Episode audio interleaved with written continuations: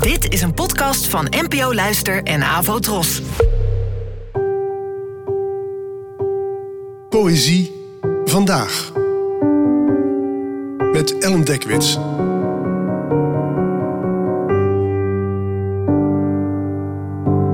Hallo, fijn dat je luistert. Het gedicht van vandaag heet De mannen zijn aan het huilen in de sportschool en werd geschreven door de Britse dichter Andrew Macmillan, geboren in 1988 en vertaald door mij. Het vers dat je zo gaat horen gaat dus over mannen in de sportschool, hoe ze hun lichaam zo gespierd en zo groot mogelijk willen maken. En tegelijkertijd gaat het ook over iets anders. Hoe soms mensen zo druk bezig zijn met het hard maken van de buitenkant, om er niet bezig te hoeven zijn met de binnenkant. Met alle gevolgen van dien, maar vooral dit wonderschone gedicht. De mannen zijn aan het huilen in de sportschool. De mannen zijn aan het huilen in de sportschool. Zetten de föhn aan om hun gesnik te overstemmen. Hun harten zijn te groot geworden voor hun borstkassen. Hun borstkassen zijn te groot geworden voor hun shirts. Ze gaan gekleed als kinderen die hun speeltjes zijn vergeten. Ze huilen in de wc.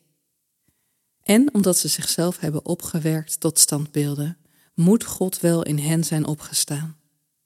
Ze wringen hun gezichten uit als zweetdoekjes.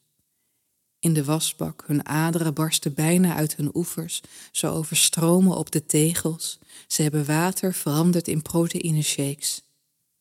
Ze zijn te dicht bij de spiegels gekomen. Ze zijn te dicht bij het glas gekomen. En nu liggen ze in de gebroken poelen van hun eigen gezichten. Wat een files voor het bankdrukken.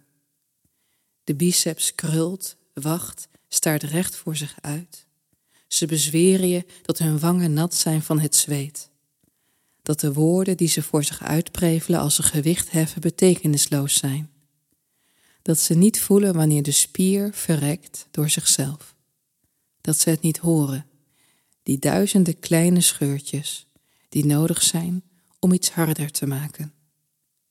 Bedankt voor het luisteren en tot de volgende keer. Abonneer je op deze podcast via de gratis app van NPO Luister. Daar vind je ook een handig overzicht van het complete podcastaanbod van de NPO. Afro Tros, de omroep voor ons.